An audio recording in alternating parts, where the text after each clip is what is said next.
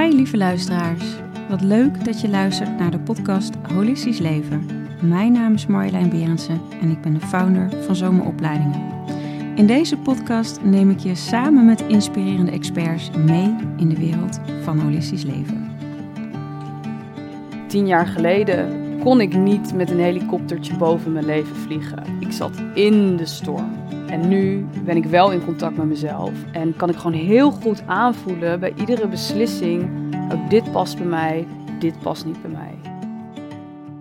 Hoi, welkom bij weer een nieuwe podcast van Holistisch Leven. En vandaag zit ik met mijn lieve vriendin Kiki Duren, die je als het goed is, als je bij het Holistisch Event bent geweest, zij was er ook bij en uh, nou, ze heeft echt een prachtige workshop gegeven.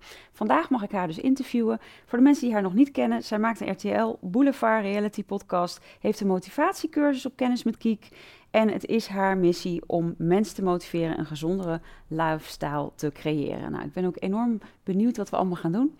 Lieve Kiki, welkom. Ja, dankjewel. Super fijn dat je er weer bent. Ik ben er weer. Ja. Het al een beetje als uh, thuis te voelen, hè, deze nou, plek. echt hè? Ja. Hey, in de eerste vraag die ik eigenlijk altijd stel uh, aan de gasten is... wat is holistisch leven voor jou? Dus dat wil ik ook graag aan jou. Ja, Um, ik denk dat holistisch leven voor mij is um, heel erg in contact zijn met mezelf. En daardoor in contact zijn met iedereen om me heen. Mm -hmm. um, ja, dat is denk ik in de breedste zin van het woord wat holisme ook inhoudt, toch? Dat, dat, dat we allemaal één zijn. En ik denk dat ik dat, hoe meer ik uh, ja, incheck bij mezelf en in, echt in contact ben met mezelf, hoe meer ik ook merk op straat, mensen die ik ontmoet, dat ik denk, oh ja, die connectie. Voor mij is, is dat echt holisme. Het, het, het zien van de bigger picture, dat wij allemaal uiteindelijk één zijn. Ja. Ook al doen we zo ons best ook om soms zo anders te zijn. Maar in, in de uh, kern, ja. we're all the same. Dat, dat is voor mij uh, ja, holistisch leven. Mooi. Hey, en um, nou, je hebt het in uh, um, natuurlijk holistisch event al nou ja, super veel mooie dingen gedeeld. Ook al wel wat over jouw ervaring. Maar voor de mensen die jou nog, nou, die dat misschien niet hebben gezien, misschien is het leuk om even mensen mee te nemen van kleine kiek. Want jij was Ja. wel als meid heel gevoelig, hè, als meisje. Ja, ja, ik was heel gevoelig. En ik denk dat ik dat op dat moment nog niet zozeer realiseerde. Dus nu, hè, looking backwards, denk ik, oh ja, ik begrijp, ik, ik kon wel heel erg snel overprikkeld raken. Uh, en als er dan bijvoorbeeld een familieverjaardag was, dat ik toch merkte van. pff, ik, uh, ik, ja, ik was dan in mijn eentje vaak in een hoekje toch wel even aan het kleuren. Of ik kon wel heel erg voelen van. Er is heel veel in deze ruimte. Hmm. Maar ik denk niet dat ik me dat echt toen besefte. Ja. Uh, dus bij mij is het echt, ik denk dat ik pas op mijn 25ste echt begon te voelen van, oh wauw. Maar dat ik altijd, ik dacht altijd dat ik moeilijk was of Ja. dat ik anders was. Of Kiek is gewoon heel erg gevoelig, weet je wel, dat. Ja. Uh, en nu zie ik in van, oh, nou, totally makes sense. Um, maar ja, ik, ik voelde, ik had een hele grote innerlijke belevingswereld als meisje al. Ik kon heel diep geraakt worden Hmm. uh, door uh, ook bijvoorbeeld het leed rondom dieren. Uh, ik kan me een, een, ik wou zeggen een verjaardag, een, een vakantie herinneren. Was ik met mijn moeder en mijn zus bij de Belgische Ardennen. En ik had een relatie opgebouwd met een motje. Dat, die, de hele vakantie was dat motje was bij me. Maar dat motje had niet zo'n heel lang leven beschonken. Dus na twee dagen of zo ging dat motje dood. Uh, misschien is dat gewoon de average uh, life of a moth. I don't know. maar ik vond dat zo erg. Dus ik ging helemaal een graf maken. Rip, motje, allerlei steentjes. Dan was ik dan de hele dag zat ik bij dat graf.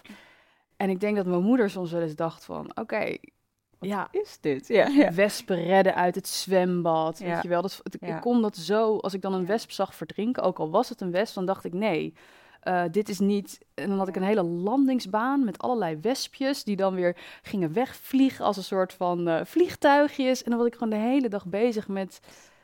Ja, met, met, met dieren redden en in mijn eigen...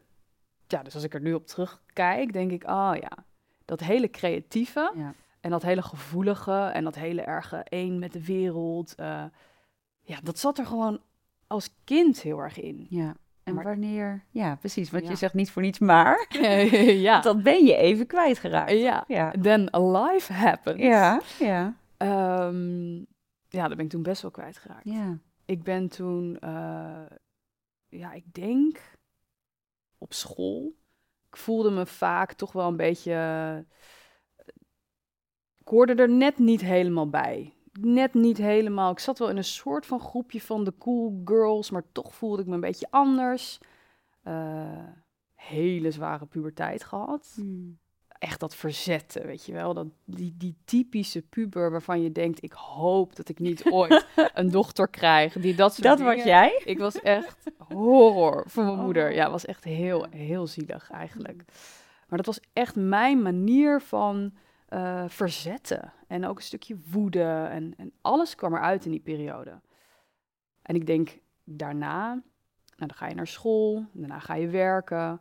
En toen ben ik gewoon full focus. eh, ja, toen werd ik heel ambitieus. Wat, wat, wat voor een opleiding heb je gedaan? Journalistiek. Oh ja. Want ik vond schrijven altijd heel Ja. leuk. Eh, dus echt vanaf dat ik zes was, ben ik in dagboekjes ook gaan schrijven. En ik heb nou een hele eh, boekenkast vol met alleen maar dagboeken. Echt superleuk. Ik ben vandaag verliefd op... eh. Nou, ik had iedere dag een nieuw vriendje. Eh, zo grappig. Maar ehm, ja, dus vanaf school ging ik toen studeren. Ik wist totaal niet wat ik wilde doen. Ik dacht, ja... Moeder zei, Kiek, je vindt schrijven leuk. Kan je daar niet iets mee doen? Ja, dacht ik, oh ja, oh ja. Maar ja, wat dan? ja, precies. En, en zij zei eigenlijk, anders journalistiek. Ja. dacht ik, oh ja, dat is wel leuk. Nou, dus ik... eh, maar ja, totaal, het was niet mijn droom om journalist te worden. Ik dacht, ja, ik moet iets doen met schrijven, dus ik ga maar studeren. Maar ook tijdens mijn studie kwam ik er echt achter, ik ben, ik tenminste, ik voelde mij anders. Hmm. Eh, dus ik was heel rebels. Ik ging niet vaak naar school. Eh, leerplicht. heel vaak geschorst. Mm. Ehm, dat ik binnenkwam, ik, ik kan me nog een situatie herinneren. Mijn Franse lerares, Sarah, eh, was een hele lieve vrouw, maar ik had een hele rebelse periode. Dat ik gewoon bij haar binnenkwam en dat ik gewoon met mijn koptelefoon op, met mijn oortjes zei van... hey, eh, ik weet niet wat jij denkt, maar eh, ik, ik ben hier wel, maar ik ga niet naar je luisteren en ik ga daar in het raamkozijn zitten. Zo kwam ik gewoon binnen. Wow. En dan ging ik in het raamkozijn zitten met mijn oortjes op. En die vrouw die dacht, wat is dit? nou, ik ga maar gewoon mijn les geven. En dit is, iedereen wist ook dat is kiek. Maar ik was gewoon zo erg, als iedereen linksaf gaat, prima, ik ga naar rechts. En waar kwam dat vandaan, denk je? Ja, een enorme eh, pijn. Hmm. En een enorme drang om gezien te willen worden, denk ik nu, achteraf. Ja, want als je op die pijn inzoomt, hè, zegt van, eh, eh, voelde je ook niet gezien dan? Ja, aan de ene kant was ik wel, als ik kijk naar mijn schoolperiode, ik was wel heel erg geliefd in de klas. Ik had wel echt vriendinnen en ook wel mooie connecties met een, met een aantal leraren. Dus ik, ik, ik, ik werd wel gezien. Ja. En dat is denk ik de hele utopie. Dus je... je, je je eh, jezelf zien? nou, dat is natuurlijk altijd het gapende gat. Ja. Er zijn mensen die knijterrijk zijn, maar ze voelen zich niet rijk. Er zijn vrouwen die super prachtig zijn, maar ze voelen zich niet prachtig. Hmm. Ik werd gezien, maar ik voelde me niet gezien. Ja, ja, ergens zag je jezelf nog niet. En waar is dat Nee. ontstaan, denk je? Dat ik mezelf Ja. eh, niet ben gaan zien. Mhm. Ehm, ja, dat is een goede vraag. Hmm, ik denk dat er een soort van coping mechanism is, is aangegaan, is geactiveerd. Ehm, ik denk als je als kind wordt beloond door bepaald gedrag te vertonen. eh, dus ik had denk ik al vrij snel door van, nou, dat hele gevoelige, nou, Ja. dat werkt niet helemaal. Eh, dus weet je wat ik ga doen? Eh, dan ga ik maar het hele stoere doen. Hm. En dat Ja. stoere, dat werd best wel beloond. Daar kwam dan ook een beetje humor bij. Dus dan ging ik een beetje zitten clownen. Ehm, en ik denk dat... Nou, de clown zit nog steeds wel een beetje in me. Ehm, ook in de kern, denk ik. Maar dat Ja. werd toen wel heel erg aangezet. Ja. Eh, dus, dus ik ging ook ja, gewoon best extreem gedrag vertonen. En van, oh, als je iets stoers wil doen, weet je wel. Kiek zoekt de risico's altijd op. Kiek heeft een grote bek. Eh, ja. Ja. Dat ging ik heel erg doen. En deep down, hoe voelde je deep down? Ik denk dat ik toen ehm, echt deep down gewoon super ongelukkig was. Ja, ja. Ja, dus in mijn... eh, nou, het klinkt echt alsof ik een verschrikkelijke schooltijd heb gehad. Nee. Viel wel mee, maar ik, ik kan me wel momenten herinneren dat ik op mijn kamer zat. En dat ik hele... Ik was in die tijd heel veel manga-strips eh, aan het tekenen. Ja, Al die ja, Japanse, Japanse- dat vond ik helemaal de shit. Maar dan deed ik van die hele trieste vioolmuziek op. En dan werden die manga-strips, die werden ineens wel heel donker. Helemaal met tranen en helemaal met zwart. En dan had ik met rood, had ik helemaal zo bloed getekend. En dan dacht ik, als ik daarna klaar was, jezus, Wat is wat dit? is dit? Ja. Maar ik denk dat dat toen mijn way of expression was van, I'm hurt. Ja. Ik heb pijn. En En hoe ben je later met die pijn omgegaan? Want we spoelen de filmietjes Ja, door. we gaan even door. eh, eh, eh, ja, dus dat was, dat was die... Middel. mm, ehm, nou ja, er is in de meantime best wel, best wel veel gebeurd natuurlijk sinds mijn, sinds mijn schooltijd. Ik heb ook een tijdje uit huis gewoond. Omdat het gewoon met mijn moeder en mij... Ja, dat ging gewoon niet helemaal oké. Nee. Ik was echt nogmaals super rebels. ja, Dus als het was van, ik ga de deur niet uit, dan ging ik de deur uit. Midden ja. in de nacht, ja. blowen buiten. Allemaal vage types om me heen die niet Ja. mijn vrienden waren. Maar ik dacht van wel. Ja, precies. werd mijn moeder weer gebeld door de politie. Kiki loopt weer stoned op straat. Oh ja. Nou, het was echt... Vreselijk. Echt Oh, vreselijk. ja. Als je Ja. kinderen krijgt, Ja, ik hoop toch ik, niet dat het... hey, ik klop hem even af. Maar precies niet ehm, ja. Dus een, tij- een tijdje uit huis geplaatst. ik denk dat toen ik uit huis... eh, dus ik zat in zo'n tijdelijke eh, crisisopvang. eh, dat heette een, een meidenhuis. Waar acht meiden eigenlijk woonden die gewoon niet meer thuis konden wonen. Mhm. De een omdat ze wegens eerwraak door haar vader werd achterna gehunt. Super Mm. heftig. Ehm, nou, de ander had een verslaving. Er zaten allemaal jonge vrouwen met best wel hele heftige eh, problemen. Eetstoornis, angststoornis. En ik kwam daar eigenlijk in dat huis. Ik was alleen rebels. Maar Ja. ik, mijn problemen waren toen destijds niet zo groot als wat ik om me heen zag. Ja, Dus doordat ik echt in de shit, Shit kwam, terecht ja. kwam van anderen, dacht ik wel van wow, oh maar dit is niet, dit is niet mijn leven toch? Nee, dit kan nee. niet, dit is het toch niet voor mij? Ik, Dus het was echt een wake-up call, als ik zo hoor. Ja, ik heb daar drie maanden gewoond, hele bizarre dingen gezien, meegemaakt, verhalen gehoord. En toen dacht ik echt, oké, Ik ga me gedragen. eh, dit is wel, dit is wel heel heftig. Ja, Ehm, en toen zei mijn moeder ook, Kiek, nee, vanaf nu... Ja, en toen weet ik nog heel goed dat ze mij langer bij dat meidenhuis wilden houden. mhm. Dat ze zeiden van, nee, maar Kiki heeft een autoriteitsprobleem. En het lijkt ons echt beter als ze een jaar niet meer naar school gaat. En dat ze hier in de dagopvang komt. Mhm. En mijn moeder en ik zaten bij dat gesprek. En wij dachten allebei, nee. nee. Want, want waar is jouw vader in dit verhaal?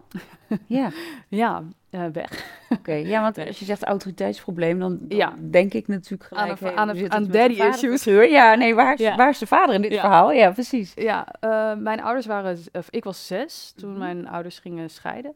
Eh, en ik ben eigenlijk grotendeels, nou ja, laat ik zeggen 99% opgevoed door mijn moeder. Ja, Dus mijn vader, die, ja, daar werd ik niet door opgevoed. Ik, Ja. ging daar wel een tijd heen, één keer in de twee weken. Mhm.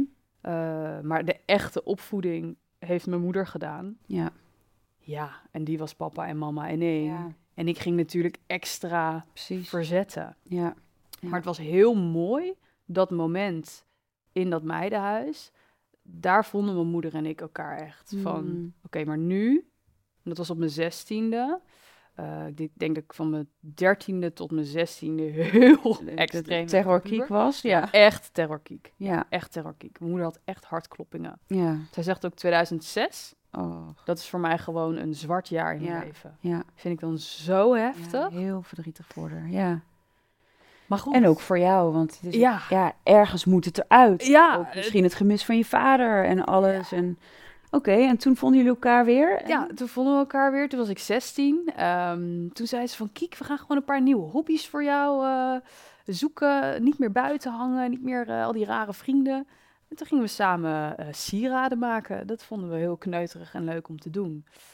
Ehm, en vanaf toen, ja, heb ik eigenlijk mijn hele vriendengroep. Ik zat gewoon in een groep die gewoon super toxisch was. Niet oké voor mij. Iedereen kwam op een soort van zwarte lijst. Mm. Clean sh- eh, sheet, opnieuw beginnen. Ja. Eh, en toen ben ik heel veel gaan schrijven en ook een stukje naar binnen keren. Terug naar die creativiteit, naar dat knutselen. Eh, en toen ging ik uiteindelijk journalistiek studeren. En Ja. toen dacht ik, dit is hem. Ik ga nu werken. Eh, ik hoef niet meer naar school. Mm. Dus ik heb mijn school ook eigenlijk nooit afgemaakt. Mhm. Ik ging gewoon ehm, de deep dive. Echt met mijn kladblokje zo onder mijn, eh, onder mijn oksel naar colleges. En ik dacht, ik ben nu een journalist. Ja. En ik ging voor nu.nl werken en Ja. voor Linda freelancen. En ik dacht, dit, dit, Dit is het. dit is het. Ja. Dit is waar ik goed in ben. Hier ga ik gewoon all the way helemaal deep dive in. Mhm. Nou, dat ging tien jaar echt super goed. Ja, want je hebt daar zelf hele leuke opdrachten Heel gehad. hè? leuk. Ja. hele leuke tijd. Ja, ja. en toen voelde ik toch weer, ja, alleen maar dat rennen en alleen maar dat werken.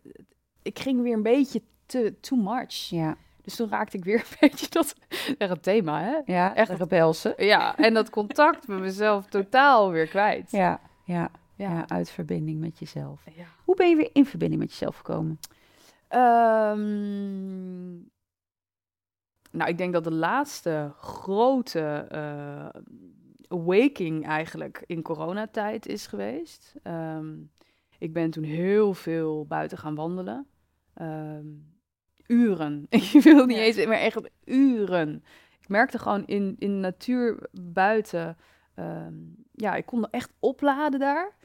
En ik luisterde heel veel verschillende podcasts ook. Het had al een beetje te maken met bewustzijn, met groei, met naar binnen keren. Eh, ik ging een beetje experimenteren met mediteren. En toen voelde ik eigenlijk al heel snel. Ja. Oh, hier zit de rust. Oh, dit is hem. Oh, Ja. dit is lekker. ja. Ja, En toen had je zoiets, ik wil er wat mee gaan doen. ja. Ja, grappig is dat, hè? Ja, Hoe dat dan werkt. Ja, vind ik eigenlijk heel cute aan de mens zijn. Op Ja. het moment dat we dan voelen van, hé, hey, dit werkt. Ja, en hier word ik blij van. En Ja. het werkt voor mij. Oh, dan, zal het, dan wil ik het People ook weer doorgeven. know. Ja, ja, ja, ja, dat is eigenlijk wel... eh, ja. Ehm, maar ik moet ook zeggen, er zijn vaak kansen op mijn pad gekomen.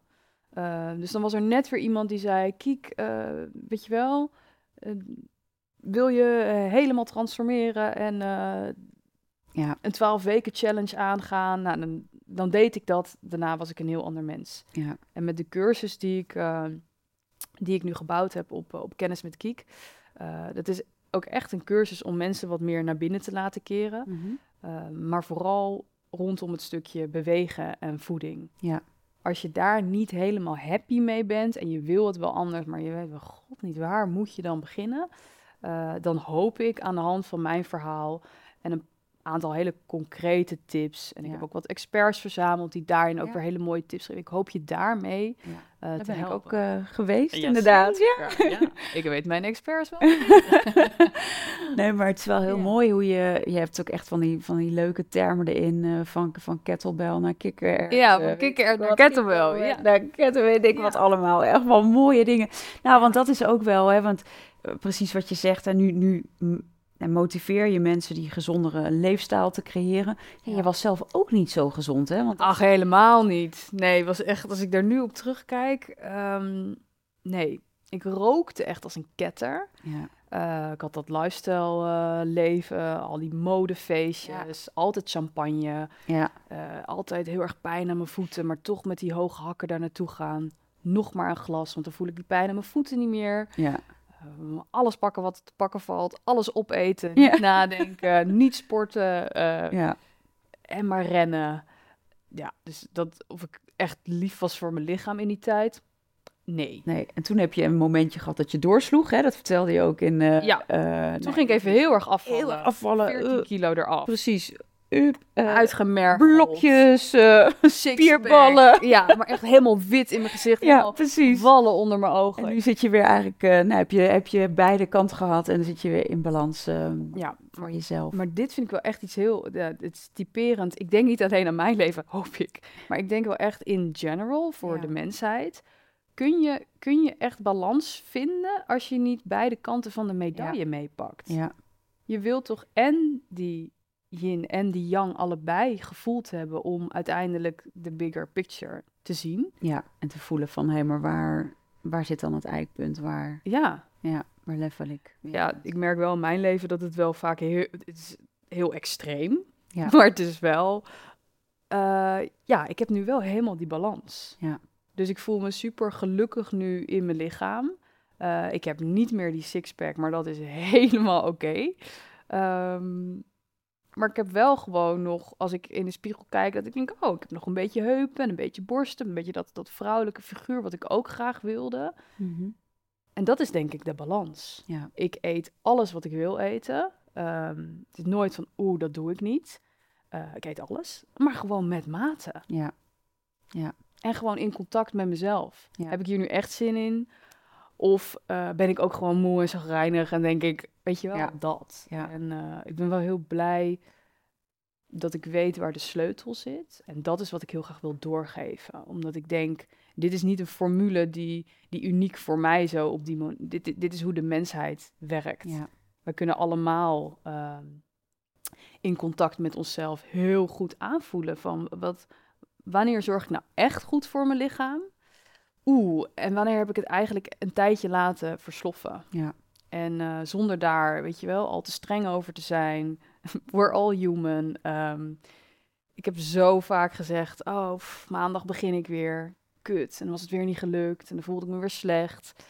En ik denk van, als er nou toch een manier zou zijn die luchtig is, die gewoon eh, je motiveert om het allerbeste uit jezelf omhoog te laten halen, maar wel in een fun way. Ja. En vooral niet te streng. En dat je kan eten met een eh, super eh, lekker appeltaart ontbijtje, maar dat we wel even de healthy appeltaart variant maken. Ja. Hoe chill is dat dan Ja. als dat kan? Ja, want jij bent ook wel van koken ge- eh, geworden, hè? Ja. Dat je lekker kookt en dingetjes, receptjes ontwikkelt. Dat heb ik gezien in die cursus. Ook superleuk. Wat voor, van, hey, dit eet ik vandaag. Wat gaan jullie maken? Dat je echt die inspiratie deelt daarin. Dus op een hele gezonde en een leuke manier. Speels ook, wat ik een beetje bij jou vind passen ook. Ja. Daarmee omgaan. ja, dat is echt in coronatijd. Ja, hè? Start. Ja, Ik verveelde me toen helemaal de pokken, want ik kon niet meer naar het kantoor en keihard werken. Dus ik zat thuis en ik dacht, en nu? ik moet die creativiteit kwijt. Wat Ja. moet ik doen? En toen eh, ontstond eh, een soort van hashtag koken met Kiek. Toen Ja. dacht ik, oh ja, nou, ik ben Kiek, ik kan niet koken. Ik laat een gebakken ei nog verbranden. Wat kan ik nou gaan bedenken? Dus Ja. ik begon heel erg low-key. Oh jongens, ik ga een bananenbrood maken. Ja. Kom, ik film mijn bananenbrood. Ja, Zo. ja. En eh, ja, dat, dat vond ik wel heel leuk om te doen. En mensen zeiden ook van, oh, wat lekker, heb je het recept? Dacht ik, ja, weet ik veel. eh, ik doe ook maar wat, ik kan helemaal niet koken. en toen ging ik Ja. ja. iedere week dat een beetje filmen. En along the way kwam ik er echt achter. Oh, maar je kan echt letterlijk alles waarvan je zegt, ja, dit kan ik niet. Ja, ga het een paar keer doen. Ja, En je, ja, het is zo, zo cliché, maar je wordt er beter in. ja, ja. Dus ineens kon ik een beetje. Ik, Ja. steeds- ik, ik bedoel, ik ben geen eh, hè, Nee. topkok, maar ik, ik, ik heb mezelf echt wel die keuken ingesleurd en gezegd van, nou oké, wat voor groenten heb je nu in huis? Eh, je wordt creatief, kan je met die kliekjes misschien iets gaan maken? Ja. En eh, verrassend kwam er af en toe echt iets eh, uit die keuken dat ik dacht, oh, dat is best wel lekker. wel lekker. En ook gezond. Nou, misschien Ja. kan ik het wel delen. Ja. En zo begon dat een beetje. ja, nou is dus een hele cursus eh, omheen ontwikkeld. Nou, Ja. Klinkt goed. Daarover later natuurlijk ook nog meer. Ehm lig je allemaal kaartjes? Eventjes een, een kleine intermezzo. Ehm, Nou. Je mag een kaartje trekken, er staan vragen op. En die mag je zelf beantwoorden. Hmm. Oké. Welke wordt het? Ehm, het wordt deze. Dit wordt hem. Mhm. Oh, als je jezelf vergelijkt met, je, met wie je tien jaar geleden was, wat is er dan veranderd? Nou, dat is een hele mooie vraag. Ja. Een hele hoop. Eh, maar ik denk vooral het in contact zijn met mezelf. Ja. Eh, en dat vertaalt zich dan weer terug in een soort van eh, innerlijke rust. Eh, dat vertaalt zich terug in ehm, dat ik bij mezelf nu heel goed kon voelen. Wat kan ik loslaten? Uh, wat past niet langer bij mij?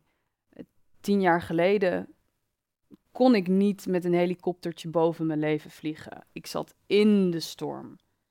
En nu ben ik wel in contact met mezelf. En kan ik gewoon heel goed aanvoelen bij iedere beslissing: oh, dit past bij mij, dit past niet bij mij. Dus ik denk in de, in de Misschien, wat is er met, met name veranderd ten opzichte van tien jaar geleden? Dat ik nu leef naar mijn kernwaarden. Ja. En tien jaar geleden wist ik niet eens wat mijn kernwaarden waren. Wat zijn je kernwaarden? ik wist het niet. Waar sta je voor? Wat zijn je kernwaarden? Nou, ik ben er wel echt heel erg achter gekomen dat, dat ehm, eh, gelijkwaardigheid vind ik, vind ik een heel belangrijk iets. En dat uh, vertaal ik denk ik ook weer heel erg terug in die cursus ik ben niet, de, ik ben niet je goeroe, ik ben niet je expert. Je hoeft, je hoeft de informatie niet. Ehm, het is niet dat ik jou die informatie geef. Ik verwijs jou terug naar jezelf, waar alle informatie is. Hmm. En daarin, ik hoef niet op dat podium. En als ik er al, al op sta, als eerste, wat ik soms ook super spannend vind, dan trek ik anderen ook mee naar dat podium. Zodat we met z'n allen op dat podium staan. Ja, dus gelijkwaardigheid is er in één belangrijke. Ehm, vrijheid is ook wel iets wat heel erg. Ehm, laat ik het zo zeggen, als ik geen vrijheid heb, dan eh, voel ik me gewoon niet. Uh, ja, dan leef ik niet. Dan, dan ben ik. Ja. Dus vrijheid in mijn, in mijn, uh, in mijn werk. daarom werk ik denk ik ook als ZZP'er. Ja. ja. Dus dat vertaalt zich dan ook weer terug vrijheid in, uh, weet je, ik heb een partner die mij ook heel erg vrij laat in kiek wil je ondernemen, ja. Vrijheid in mijn vriendschappen. Um, ik vind eerlijkheid en openheid ook wel echt heel erg belangrijk. Um, wat niet betekent dat ik altijd naar die waarden heb geleefd. Maar inmiddels kan ik zeggen, uh, vandaag de dag, dit is voor mij echt Misschien staat het nu wel op nummer één in alle relaties die ik aanga met mensen. Als ik voel dat je eerlijk bent en weet je wel, ik geef dat ook aan mensen. Dus het is het minste wat ik terug verwacht in een relatie. En als iemand mij dat niet kan geven in een verbinding, dan is dat helemaal oké. maar dan voel ik voor mezelf aan, dat past niet bij mij. Dus dan uh, ja, zoek ik liever mijn, mijn uh, vriendinnen en relaties in de plekken waar mensen dat wel kunnen bieden. Ja. Die ook leven volgens die waarden. Waarde. Ja. Ja, ik denk dat dat wel de top drie is die... Ja. mooi, mooi dat je dat deelt. Dat is ook echt zoals ik je ken. Dus, uh, ja, oh, dan, dan lukt het leven naar mijn waarde. Lukt wel. Ja, precies. Dat bedoel ik. Ja. ja. Nou, dan hebben we natuurlijk nog een hele bak aan uh, luisteraars uh, vragen binnengekregen. Was wel echt mm. heel leuk. Ik heb er toevallig vanochtend ook nog weer eentje gehad. Dus die neem ik ook mee. Wat is jouw drijfveer om Instagram-content te maken? Mm, ik denk, ehm, wat ik zo mooi vind aan een platform als Instagram, maar ja, dat kan ook YouTube, TikTok, ja. noem het social media, is uh, dat je mensen kunt inspireren. Um, en ik denk dat ik daar, toen ik met Instagram startte, dat is weet ik veel uh, hoe lang geleden, dacht ik niet per se, oh, het is echt mijn drijfveer om mensen te inspireren. Ik deed dat toen meer gewoon just for fun. Uh, dat, dat account begon te groeien en ik dacht, hé, hey, oké, dit werkt, mensen vinden dit leuk. Maar nu, vandaag de dag, uh, ja, vind ik het gewoon heel tof dat ik een platform heb waarop ik mijn leven kan delen. Waar sommige volgers echt al tien jaar gewoon meegaan en meegroeien. Uh, ja, en het is gewoon mijn, mijn, mijn digitale dagboekje. Alleen dan in, in beeld. Waar ik vroeger als klein meisje dit deed. Mooi. Kan ik nu... Ik, ik zou het ook heel erg vinden... Ik dacht, stel nou als Instagram morgen ineens van de buis is... of ineens uh, failliet gaat... of die, die app die knalt eruit. Ik dacht, dat zou ik heel erg vinden. Want je kan bij mij nog helemaal naar beneden scrollen... en alle versies van de vrouwen die ik ooit ben geweest. Het, is, het is echt mijn dagboekje. Ehm, en hoe vind je het dan om dat met de rest van de nou ja, wereld, om maar mensen die jou volgen te delen? Ja, uh, er zijn tijden geweest dat ik dat wel spannend vond. Mhm. Uh, of als het dan niet goed met me ging, dat ik dacht van nou, laat ik dat maar niet in mijn digitale dagboekje, want dat past misschien niet op Instagram. Of... Ja. Dus ik heb daar wel eens mee gestruggeld. En daarna dacht ik, nee, ik ben hier juist om eh, nou, vaak ook een taboe te doorbreken. En die Ja. ballon, die Instagram-ballon, de picture perfect, juist om dat even zo los te shaken. Ja, Eh, dus eh, ik zie het nu gewoon als een plek waar ik heel, weet je wel, ook als het nu niet goed met me gaat, dan kan ik daar ook zo'n verhaal over schrijven. Ja. En soms voel ik, nou, ik hou het even bij mezelf. ja. Eh, wat ik een hele mooi vind is share the message, not the mess. Hmm. Eh, dus soms als ik zelf voel dat ik in een proces zit, dan kan ik dat wel aan anderen gaan delen. Maar als ik er nog middenin zit, dan kan ik niet goed de message delen. Ja. Dus als ik uit het proces ben en ik voel van, hé, hey, de mes, nou, die is nu, die heb ik achter me, dat moet Ja. ik even blijkbaar doorleven. Ja. Oh, maar nu voel ik wel wat de message is. Hmm. En dan kan ik wel delen, hé, hey, ik heb deze message geleerd. En misschien zijn er mensen die dat ook herkennen. Ja, die er ook wat aan hebben. Dus dat vind ik ook mooi aan Instagram. Ik zie dat steeds meer gebeuren, dat we kwetsbaar durven zijn en eh, Ja. daarin elkaar ook heel erg kunnen supporten. Ja, mooi. En waar droom je van? Ehm, nou, ik heb wel sinds kort een soort van, of nou, sinds kort, is nu sinds een jaartje. Ik voel dat Ibiza heel erg begint te trekken bij mij. Ehm, en toevallig bij mijn vriend ook. Dus ik droomde heel erg van een tijdje daar eh, wonen, even voelen. Mhm. Ehm, nou, en dat gaan wij eh, in februari gaan we doen. Gaan we daar een maandje, gaan we daar eh, werken en even zijn.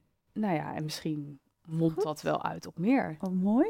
Dus dat was wel echt iets waar, ik waar de je? afgelopen tijd... eh, bij Casa Suka. Oh ja, ja. Weet je waar? Ja, eh, waar eh, Jessie ook... ja, ook vaak. Ja. ja, ja. Mooi. Hele lieve mensen. Ehm Wietske en Peter. Prachtige locatie. Ehm, ja, en, ze- en ze verhuren ook een maandje een soort van, nou ja, expat winterverblijven. Gaaf. Dus we hebben lekker daar een appartementje. En ik zie het helemaal voor me dat ik daar zo'n, ja, zo'n winterstay op Ibiza. Lijkt me echt, echt heel chill. Heel leuk. Ja, er is toch Klinkt iets met goed. het eiland. Ja. En, nou ja, en misschien dus daar op termijn ook wel wonen. Of, eh, ja. Ja, kijk, je weet natuurlijk niet hoe dingen lopen. Nee. Eh, soms wel. Maar ja, ik heb wel het idee, er, er ligt daar iets. Ja, dit klinkt heel... Nee, nee, voor mij is het heel logisch hoor. Ja. Ik voel gewoon heel duidelijk dat, ehm, dat daar een volgende stap ligt. Hmm. Ook in het stukje werk. eh, Sander, mijn vriend, kan super lekker koken. En ik heb al helemaal een soort van visualisatie voor me gezien dat we straks daar een huis hebben. Ehm, ik heb zelf iets met vlinders, dus we dachten al helemaal, oh, casa mariposa, Spaans woord voor vlinder.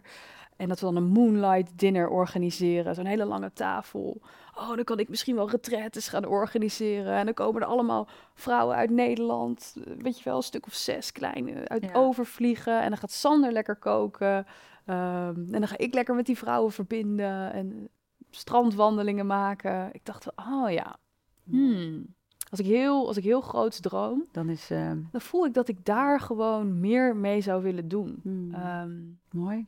Dat stukje verbinden, dat stukje sisterhood. ehm, ja, en op Ibiza, dat is wel echt mijn droom. Ja, Maar het is ook best wel het is prijzig. heel duur. Dus we moeten, Mooi dat je het met ons deelt. even kijken hoe we dat gaan. eh, Hoe je dat gaat. Ja. Nou, want daar gaat de volgende vraag over. Mm. Het is wel leuk, want het zijn natuurlijk vragen van de luisteraar, maar dat Mhm. sluit hier wel goed bij aan. ja. Manifesteer je dingen? Zo ja, wat kan je benoemen? Dus misschien is dit, als je het hebt over manifesteren Ja. van geld of wat dan Ja, ook.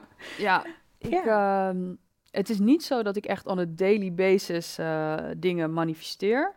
Maar ik heb wel een, ehm, een, eh, nou ja, een, een brief geschreven naar het, naar het universum. Waarin ik wel die Ibiza-wens eh, heb uitgeschreven. Dat dit iets is wat ik heel graag zou willen proberen. Eh, maar daarbij ook van, weet je wel, als het, als het echt passend is bij mijn levenslijn, als dit echt, als het, als het klopt wat ik voel, laat het maar gebeuren. Laat het maar uitkomen. En, en, ik, en ik sta open voor alles, maar ik wil wel dat, hè, mocht er iemand meeluisteren, eh, dit is wat ik nu heel graag zou willen. En Ja. eh, daar ga ik wel mijn intentie op zetten. En hoe doe je dat? Even voor luisteraars, want je zegt, nou, ik heb een brief geschreven in het universum. Verbrand je hem daarna ritueel? Of ligt hij dan Ehm. onder een altaartje? Of hoe? Nou, ik heb, ik heb meerdere. eh, ik heb eentje heb ik op mijn laptop gewoon zo heel pontificaal. Ja.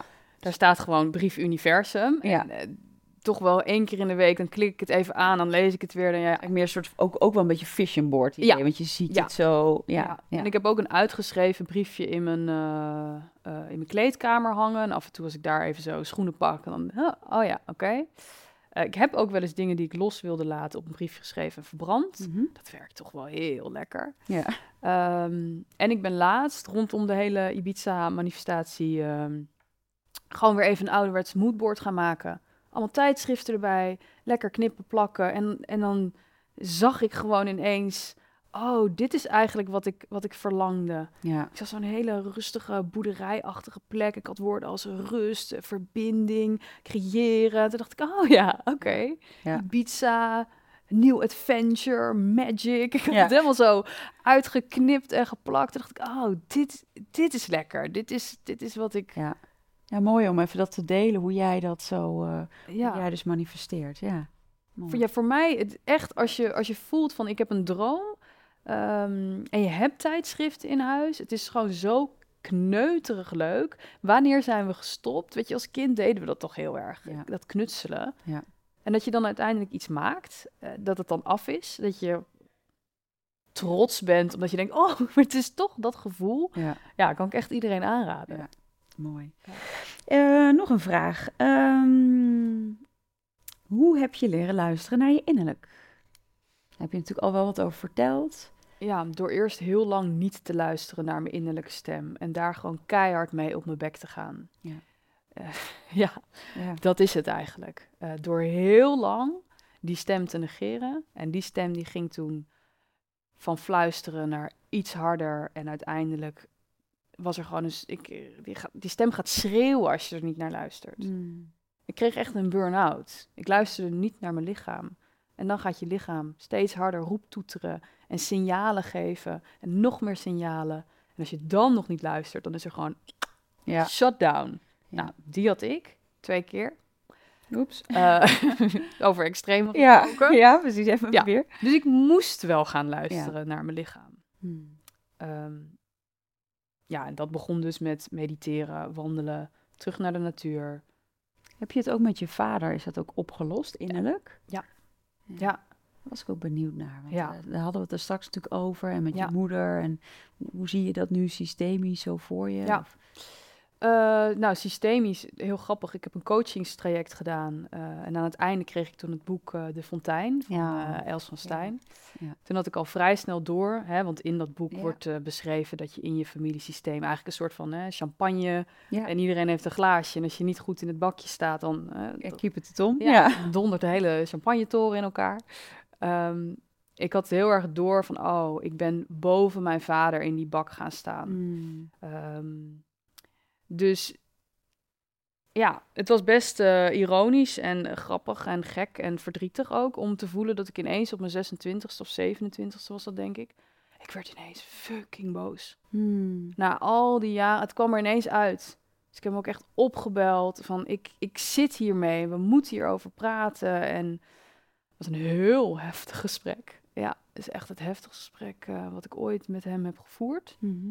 Maar het was zo goed dat we eindelijk eh, ja, de olifant in de kamer gewoon eh, samen even konden bekijken. Mm. Wat is daar nou allemaal gebeurd? En je kan het verleden soms niet meer veranderen.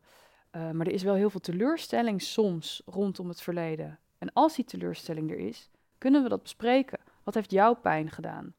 Maar ook aan zijn kant natuurlijk. Van, hé, hey, wat is er bij jou gebeurd? Ehm, en toen hebben we even een pauze ingelast. Even, zodat ik ook kon... Ja, die emotie was natuurlijk heel Ja. hoog. Ik denk, nou, even weer... eh, Even weer doorvoelen. Ja. eh, zelf weer in je, met je innerlijk verbinden. Ja, maar als je het hebt over een... Weet je, echt een vaderwond, en die, of een mama-wond, of Ja. nou een kindwond, hoe je het ook wil noemen. Dat zit zo diep. Mm. Dat zit zo diep. En ik denk dat dat echt. ehm, nou ja, als je echt in verbinding raakt met jezelf, dan kan je daar komen. Maar dat is wel ook een strijd. En dat, Ja. dat, ik heb een moment gehad midden in de nacht in mijn bed. En toen voelde ik dat ik echt tot de bodem kwam. En toen voelde ik gewoon mijn lichaam gewoon samentrekken, zo van, auw, papa. En toen dacht ik, oh, ik ben nu op die plek. Ja. En daar ga ik nu even een beetje liefde naartoe sturen. Mm. Want natuurlijk was je jeugd verdrietig zonder papa. En natuurlijk eh, weet je, we gaan daar nu. Dus toen ben ik echt daar even gewoon een tijdje stil bij gaan staan. Hmm. Een paar weken. Ik zat er helemaal in. Ik heb alles eruit gehaald wat ik eruit wilde huilen. Ik heb alles aan hem verteld wat ik wilde vertellen. Ook aan mijn moeder, niet alleen aan mijn vader. En de hele familie, iedereen dacht dat ik gek werd. Ja. Komt zij nou weer ineens met al die nou shit weer? van Ja. vroeger? ja, ja, maar het was ook opschonen. Dus opschonen. En Ja. toen was het uit mijn systeem. En ik kan nu hem super dankbaar zijn voor alles wat ik, ik. Ik heb totaal geen wrok meer. Alles is precies gegaan zoals het moet gaan. Ik ben vandaag. Ik was. Ik was dat vond ik heel mooi. Eh, ik hoorde Tony Robbins dat ooit zeggen tegen iemand eh, in het publiek die ook een, eh, een papa-wond had. En die zei ook van. jij zou niet eens een derde van de vrouw zijn. Je zou een derde van de ambitie niet hebben die je vandaag de dag hebt. Dat is ook vanwege jouw vader. En als je hem gaat blamen voor alle shit die hij in je leven hè, Ja. heeft veroorzaakt, wees hem dan ook dankbaar voor alle mooie dingen die je nu ook. Jij zou niet zijn wie je vandaag de dag was als jouw vader niet zijn rol heeft gespeeld in jouw leven, zoals het is gegaan. Ja, En toen dacht ik, oh ja, dank je. Thanks. Ja. Ja, want ook, weet je, hè, dus nee, daarom ging ik ook even wat dieper door op die vraag. Hè, hoe heb je Ja, leren luisteren? je lekker innerlijk? Ja. Ja. maar dat is Ja. juist mooi, omdat... Ja, Kunnen mensen van deze podcast wel aan, toch? Oeh, absoluut. Nee, maar ik bedoel, kijk, als je jouw Oh. Insta en alles bekijkt, dan kan het hier en daar misschien wat oppervlakkig ogen, wat niet zo is. Weet je, ik ken jou natuurlijk anders. En daarom is het ook mooi om dit stuk ook te laten zien. Je weet waar je het over hebt, je weet waar je vandaan bent gekomen. En pas echt leren luisteren naar je innerlijk kan ook pas als je je schaduwkant en je diepe stukken ook ja, hebt ervaren, hebt doorvoeld. En Ja. dat je schoon bent van binnen, waardoor je ook daadwerkelijk voelt van ja, maar dit is mijn innerlijk. En dat is niet mijn ego-stukje wat, hier, wat ik hoor, maar het is echt mijn zijn, het is echt mijn ziel. En daardoor kan je ook schoner zijn naar anderen. En daarom, in mijn idee, kan jij ook zo mooi dit allemaal doorgeven. Dus het is juist denk ik ook heel mooi dat we deze kant van Kiek ook hier zien en Ja. horen. En daarin dus voelt van, ja, wow, weet je, poeh, ga er maar aan staan. Dus, eh, dus ja, super, super dankbaar daarvoor dat je zo, eh, zo open bent. Ja, hier ook, nou ja, dit is dus ook zoiets. En, en ik denk dat dit ook al eigenlijk voor een deel beantwoord is, maar ik ga hem wel stellen. Mhm. Ik word super blij van jouw filmpjes. Ik volg je al een tijdje. Waar komt die kracht vandaan? Nou, het is eigenlijk met dat Tony Robbins stuk wat je al vertelt. In ieder geval, ik krijg kippenvel over mijn lijf. Ik kan me Mhm. voorstellen, ook met juist met wat je hebt meegemaakt met je, met je vader en met je moeder en alles wat zich zo ja, heeft afgespeeld, dat dat ook echt die kracht is. En ook juist het niet Ja. ehm, in verbinding geweest zijn met jezelf en nu dus wel heel erg juist in verbinding. Mis ik nog iets? Of, of... Nee, ja, en ook het stukje, ik heb dat laatst ook in een podcast gezegd, van je grootste crisis, dat is eigenlijk je fuel Ja, om op te gaan bouwen. ja, En eh, ik denk dat we allemaal zo bang zijn eh, in, in, in dit leven voor, voor, voor pijn. Oh, en dingen moeten niet te naar zijn. En we willen het gewoon leuk hebben. En, maar ja, dat, deze pijnen, het hoort bij het leven. ja, En het zijn juist, ik, ik kan me geen, als ik terugkijk naar de situaties in mijn leven waarvan ik dacht van, nou, hier ben ik echt gegroeid. Dus altijd Ja. na een gigantische pijn. ja, Altijd na mijn crisis woe, kwam weer de flight. En Ja. ja. dus dat, waar, waar komt de kracht vandaan? Ja. Misschien ook door, door het te transformeren en het stukje dankbaarheid te zien en de les te zien achter de pijn. Of hè, eerst honderd keer op je bek gaan en Ja. daarna denken van, oh ja, nu heb ik hem weer. Vallen en opstaan. En iedere keer als je weer opstaat, ik denk dat je mind ook een, een spier is die je net als je lichaam daarmee ook traint. Ja. Ja. En hoe vaker je dat doet, hoe sterker je wordt. En soms vraag ik me wel eens af, oh, oké, wat wordt nu dan de volgende challenge? ja. Want ik voel me heel Ja. sterk nu. Oké, wat gaat er nu weer gebeuren Ja. om je uit balans te halen? ja. En zit daar dan angst of zit daar ook van energie en van kom maar op? Oh, ja, zit wel echt een kom maar op in. Ja. Ja, ik voel wel een soort van st- strijdbaarheid van... Ik, ik weet heel sterk, het leven geeft je echt niet meer dan dat je zelf eh, aan kunt. Dus Hmm. in die zin is alles wat we krijgen... eh, Ook in vertrouwen, dus als ik je zo Ja. hoor. Ja. Ja. Ja. Ja. Mooi. Oh, hier is ook een. het zijn echt wel hele leuke vragen. Zelfvertrouwen is bij mij ver te zoeken. Heb je tips hoe ik dat kan versterken? Hmm. nou, ik denk dat we wel weer een beetje teruggaan naar die boodschap van het eh, naar binnen keren. Eh, maar als ik gewoon kijk naar het woord zelfvertrouwen, vind ik best wel grappig nu om te voelen: oké, dus je, je gaat jezelf leren vertrouwen. En daar zit eigenlijk de issue. Vertrouw je echt op jezelf? Als je een stemmetje hebt die in je hoofd hele nare dingen zegt en je vertrouwt daarop, dan vertrouw je niet echt op jezelf. En ik denk dus als je meer zelfvertrouwen wil ervaren, ehm, dat je dus meer op jezelf mag gaan vertrouwen. Maar dan bedoel ik wel je echte zelf, je lieve zelf, jezelf die compassievol is, jezelf die er oké mee is dat je fouten mag maken. Ja. Ehm, En hoe doe je dat? Dus heb je tips? Want dat, daar wordt naar gevraagd. ja, ehm, heb je tips? Ja, ik moet niet in de niet, zo van niet te streng zijn. Ik moet in de positieve eh, om. ehm, Ja. Hmm.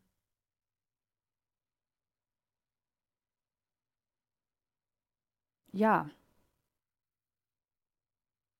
Ik vind het moeilijk om hier echt concrete tips voor te geven. Maar het stukje, eh, ik denk dat het stukje lief zijn voor jezelf al heel erg helpt bij meer zelfvertrouwen. Ehm, eh, er oké mee zijn, ook om kwetsbaar te zijn. Want dat is ook iets wat we soms hè, spannend vinden Mhm. er met mensen ook over praten. Ehm, ook als je juist struggelt met zelfvertrouwen, dus nu dat je dit opengooit, ik denk dat dat heel erg, heel erg helpt ook. Van hé, hey, ik zit met dit, maar ik wil het. eh, eh, en jezelf meer leren kennen. Ik denk dat het grootste stuk zelfvertrouwen bij mij is gekomen toen ik erachter kwam wat mijn kernwaarden waren. Dus ik denk dat als je nu jezelf niet vertrouwt, dat dat eraan ligt omdat je in de kern nog niet zo goed weet wie jij dan eigenlijk bent. Ja. Dus als grootste tip zou ik meegeven: kom erachter wie je bent. Maak daar een leuke zoektocht van. Ehm, en ga googlen naar kernwaarden. Er zijn er 300, 1000. Ga voelen voor jezelf van hey, dit en, en schrijf er dan 10 op. En als je er dan 10 op een papiertje hebt, maak er dan 5 van. Ja. En als je er dan nog vijf overhoudt, dan kun je kijken van, oh, ik sta voor dit, ik sta voor dat, ik sta voor dat. En ga dan vervolgens dat naast je leven leggen. In hoeverre stroomlijnt wie ik eigenlijk ben met hetgene wat ik doe. En hoe meer je dat met elkaar vervlecht en dat daar dan echt een, een, een balans in komt, dan, dan komt er ook ineens heel veel zelfvertrouwen. Want dan klopt het innerlijk. Ja. Het plaatje klopt dan. Ja. Ja. Dat zou ik denk ik eh, Mooie, mooie tips. doen. We gaan een oefening doen. We gaan eh, met de schrijfopdracht aan de slag. Hè? Ja, Zullen we daarmee gaan starten? ja. Voor de mensen thuis. Ja, voor de mensen thuis. En ik denk dat het ook wel eh, fijn is dat je bij jezelf een beetje voelt. We kunnen het op twee manieren doen.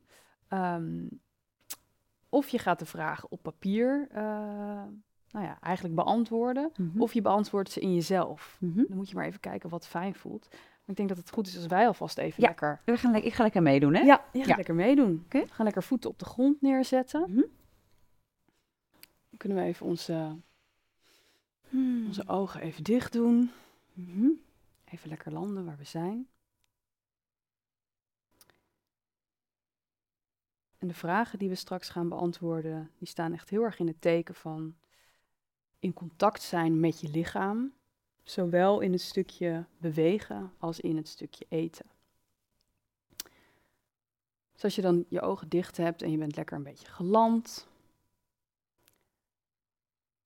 dan is het misschien fijn om jezelf af te vragen: hey, hoeveel beweeg ik eigenlijk? En weet ik dat van mezelf? En welk antwoord er dan ook opkomt, weet dat alles goed is, ook al beweeg je niet zoveel als dat je zou willen. Ehm, dus voel even bij jezelf, wat voor antwoord daar omhoog komt, hoeveel beweeg je eigenlijk? En, ehm, en wat doe je eigenlijk niet? Wat vind je moeilijk? En als je voelt dat het lastig is om, dat, om die antwoorden in je hoofd te krijgen, dan is het misschien toch fijn om het even op te schrijven, dat je er later naar terug kunt kijken.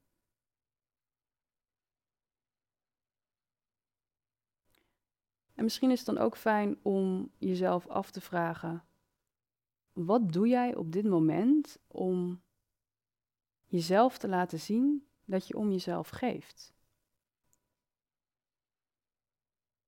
Welke kleine dingetjes ehm, zijn al in jouw leven nu? Die momentjes waarop je voelt van hé, hey, ik krijg dat interne schouderklopje. Hé, hey, ik ben lekker bezig. Ik doe dit supergoed.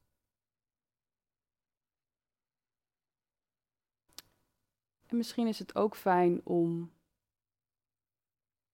je dan af te vragen: vind je eigenlijk op dit moment dat je genoeg aan jezelf denkt? Of cijfer je jezelf ook wel eens weg? Zou je meer naar de sportschool willen gaan? Zou je meer s ochtends lekker een ontbijtje voor jezelf willen maken? Dus wat doe je eigenlijk om die momentjes voor jezelf toch te pakken? En hoe kun je ervoor zorgen dat je deze gewoontes direct kan gaan toepassen in je levensstijl, als je dat nu mist? Is er, is er misschien iemand die je hierbij kan helpen?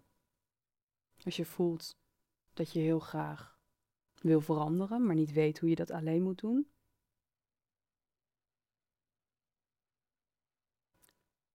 Dus wat voel je hierbij? Ben je helemaal oké met je beweging? Of voel je dat er een stukje is wat je heel graag nog zou willen ontdekken en op wat voor manier zou je dit voor jezelf mogelijk kunnen maken? Kun je iemand inschakelen die hiermee helpt?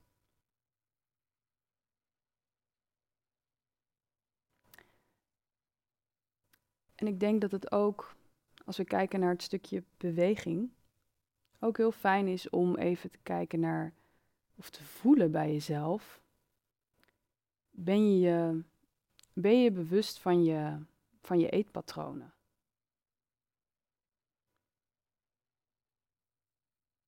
Dus als je visualiseert dat je in de keuken staat en dat je een lekker ontbijtje gaat maken, wat eet je? Wat, wat maak je dan eigenlijk? En denk je daar lang over na? Of gaat dat op een soort van automatische piloot met dingen die je die je altijd in huis hebt? Of neem je daar de tijd voor? En als je dan toch in die keuken staat, is er dan ook iets wat je nu kan voelen, wat je eigenlijk nooit eet, wat je eigenlijk misschien vaker zou willen eten, maar wat er nu een beetje bij inschiet, of wat niet op dit moment voor je gevoel bij je past, maar wat je wel graag zou willen. Dus wat eet je eigenlijk nooit?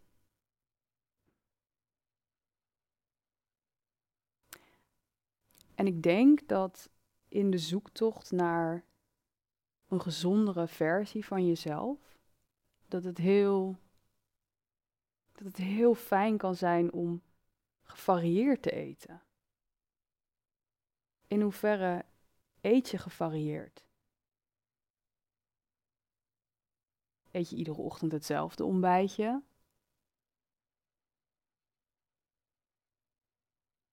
Kan je voelen bij jezelf of je meer gevarieerd zou willen eten?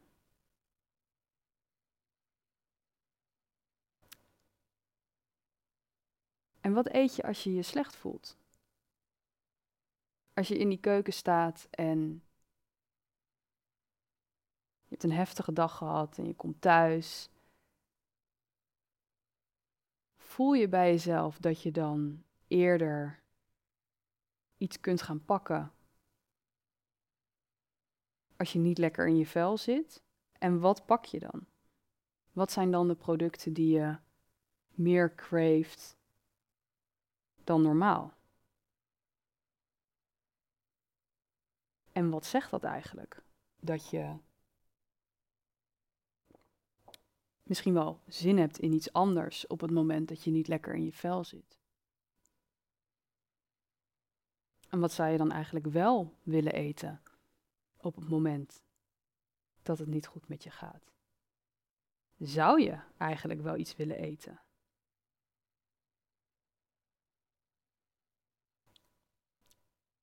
En stel dat je toch een soort van snack attack hebt gehad. Hoe voel je je dan daarna? Als je op de bank ligt.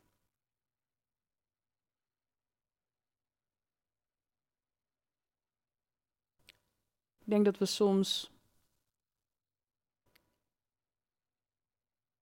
ons niet eens zo bewust zijn van wat we allemaal in ons mond stoppen. Maar als je het opschrijft of als je het voelt bij jezelf, dan kun je ook op een hele eerlijke, eerlijke, no-nonsense manier bij jezelf voelen van hé, hey, oh ja, dit, dit doe ik misschien wel. En dat is helemaal oké. Alles wat er opkomt is helemaal oké. Maar als je voelt dat je ergens diep van binnen verlangt naar een andere realiteit, of als je voelt van hé, hey, ik vind het antwoord wat er nu omhoog is gekomen toch wat teleurstellend, of ik zou het graag anders zien. Voel dan nu eens tot slot goed bij jezelf van waar zit jouw groei op dit moment? Rondom het stukje bewegen allereerst. Waar zit jouw groei? Waar zit de winst? Wat zou je kunnen doen zodat je je intrinsiek lekker voelt, goed in je vel, hoog in je energie? Waar zit de groei?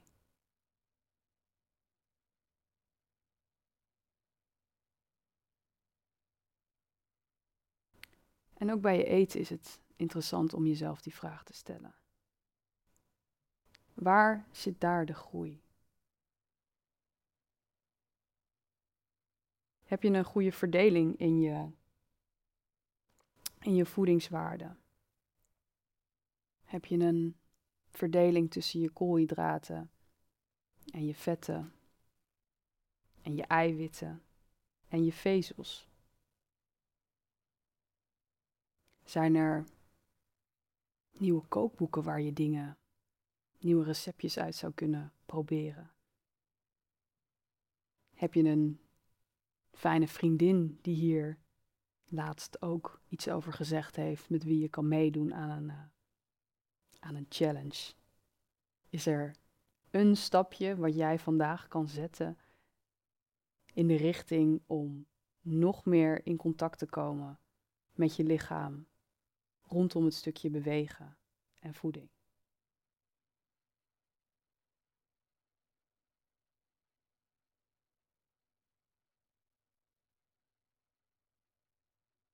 En weet dat alles oké is.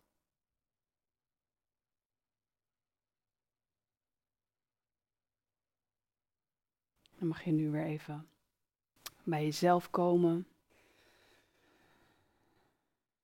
Misschien even met je handen over je benen lekker wrijven.